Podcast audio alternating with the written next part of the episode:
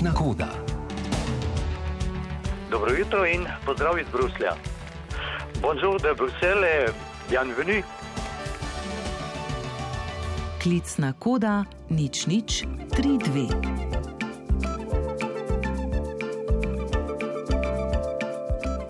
Slišali ste ga že v avizu in zdaj tudi v živo z nami Igor Jurič, Bruselj, dobro jutro.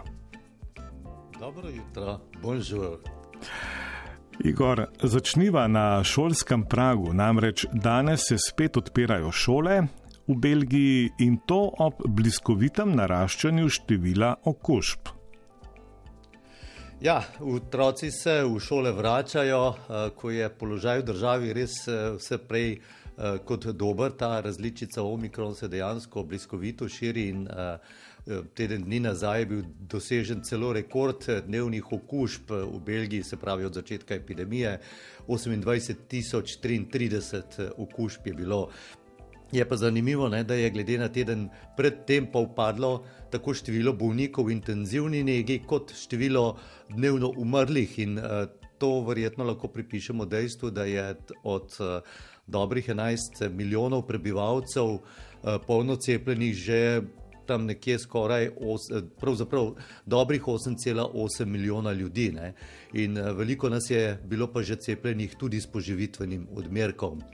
Je pa žal v Belgiji do zdaj umrlo zaradi COVID-a tudi 28.500 ljudi. No, kot rečeno, Danes se končujejo te božično-novoletne počitnice, ki so bile daljše kot običajno, eh, ker so se začele en teden prej, eh, že 18. decembra in sicer prav iz razloga, da bi omejili širjenje omikrona. Zdaj se otroci vračajo, eh, je pa tako, ne, bilo je kar nekaj zmede glede vračanja najmlajših, verjetno bo poslušalcem vse skupaj delovalo nekoliko znano, ne, glede na slovenske razmere. Eh, še v petek, recimo, je veljalo, da bodo najmlajši, to je mislim tam nekje do starosti, do deset let, eh, prišli v šolo, tudi če bo celotna družina v karanteni zaradi okužbe enega od družinskih članov. No, potem pa je prišlo v soboto do preobrata, ne? ker so sprejeli odločitev, da pa seveda tudi ti najmlajši ne morejo priti v šolo, če so imeli visok rizičen stik znotraj družine. V šolo bodo lahko prišli le v primeru to vrstnega stika, če je do njega prišlo zunaj eh, družinskega kroga. Da pa je prišlo do tega zapleta, ki je seveda povzročil slabo voljo tako med učitelji kot eh, starši, pa po svojo ni čudno, ker ima Belgija kar devet različnih zdravstvenih ministrov, se pravi na različnih ravneh, ki se morajo seveda potem dogovoriti. Ne. In ker se seveda zdaj vsi bojijo, da bo z odprtjem šol, čeprav je nošenje mask obvezno za vse od šestega leta naprej, prišlo še do pospešitve širitve omikrona, strokovnjaki seveda zdaj pozivajo naj se učenci samo testirajo, uh, ker vsi želijo, če se le da, obdržati šole čim dlje odprte. Ne? In uh, zdaj pa smo spet pri zgodbi, ki je znana recimo tudi v Sloveniji, uh, ker se seveda zavedajo, da bodo zaprtje oddelkov prihajalo, no, zdaj želijo, da bi se otroci samo testirali, In tukaj pa je nastopil problem spet pri najmlajših, ker bi jih morali samo testirati starši, sicer to je samo priporočilo, da se samo testirajo. Ne? In uh, ugotovili so, da je samo 8 odstotkov staršev pripravljenih tedensko poskrbeti za samo testiranje svojih otrok. Praviš, Belgija ima devet zdravstvenih ministrov, Slovenija samo enega ja. ministra za zdravje, pa se kljub vsemu često krat zdi vse skupaj zelo zapleteno. Uh, Igor, uh, za nami oziroma za vami je tudi uh, protestna nedelja. Uh, včeraj so bili spet protesti v središču Bruslja in sicer proti cepljenju in COVID-nemu potrdilu. Ja, dejansko to drži.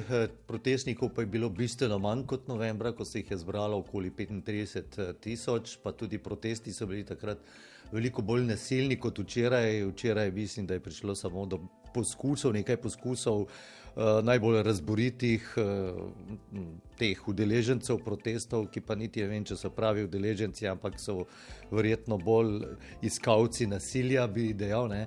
Včeraj po podatkih policije naj bi bilo teh vseh udeležencev približno 5000, teh razboritežev pa je potem policija aretirala ob koncu protestov nekje okrog 30, v glavnem pa so povzročali zmedo s tem, da so zažigali stara božična drevesca, ki zdaj ležijo povsod po Bruslju ob cesta na pločnikih, ker pač so jih ljudje prinesli iz stanovanj.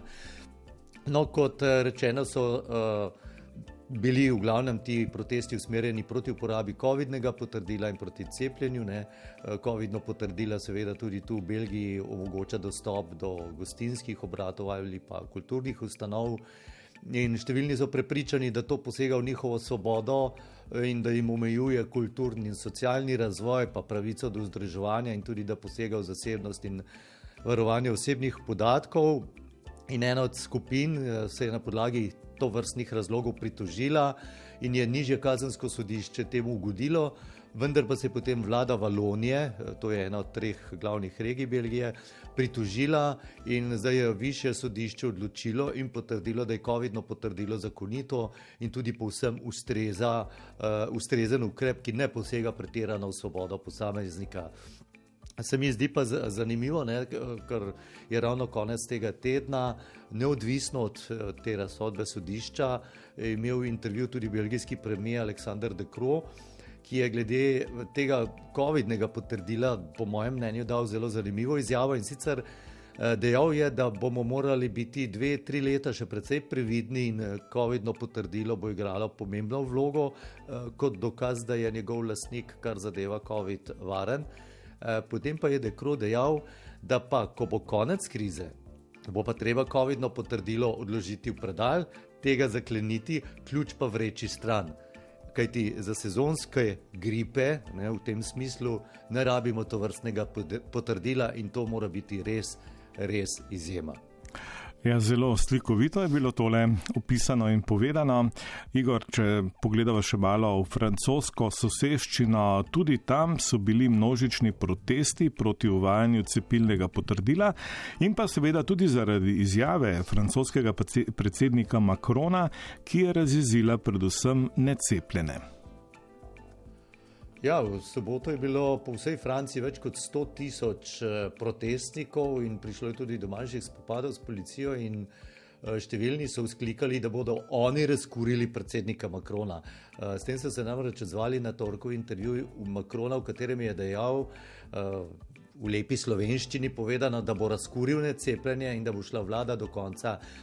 Kajti predsednik Macron je necepljene obtožil, da so neodgovorni In uh, nekaj dni kasneje, ko je branil uvajanje cepilnega potrdila, je med novinarsko konferenco ob uh, obisku Evropske komisije, ob uh, začetku predsedovanja svetu EU, še doja, dodal, da se svoboda necepljenih konča, ko ta trči ob svobodo drugih in ko lahko njihovo ravnanje ogroža zdravje in življenja drugih.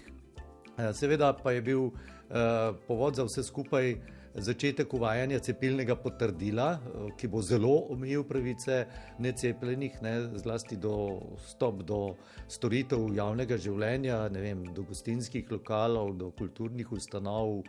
Športnih eh, prizorišč eh, bo ta zelo umil, pravzaprav necepljenim to ne bo več omogočeno. No?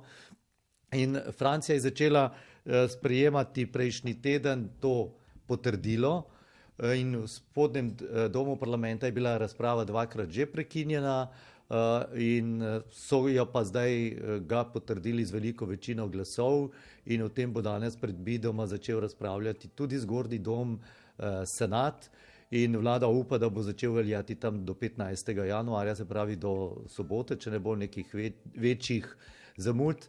So pa seveda vsi to v francoščini zveni veliko bolj grobo izjavo Makrona, da bo razjezil uh, necepljene, uh, vsi ali pa veliko analitikov jo razume kot uh, izjavo, v predvoljivno izjavo, čeprav predsednik Makron še uradno ni najavil svoje kandidature na predsedniških volitvah.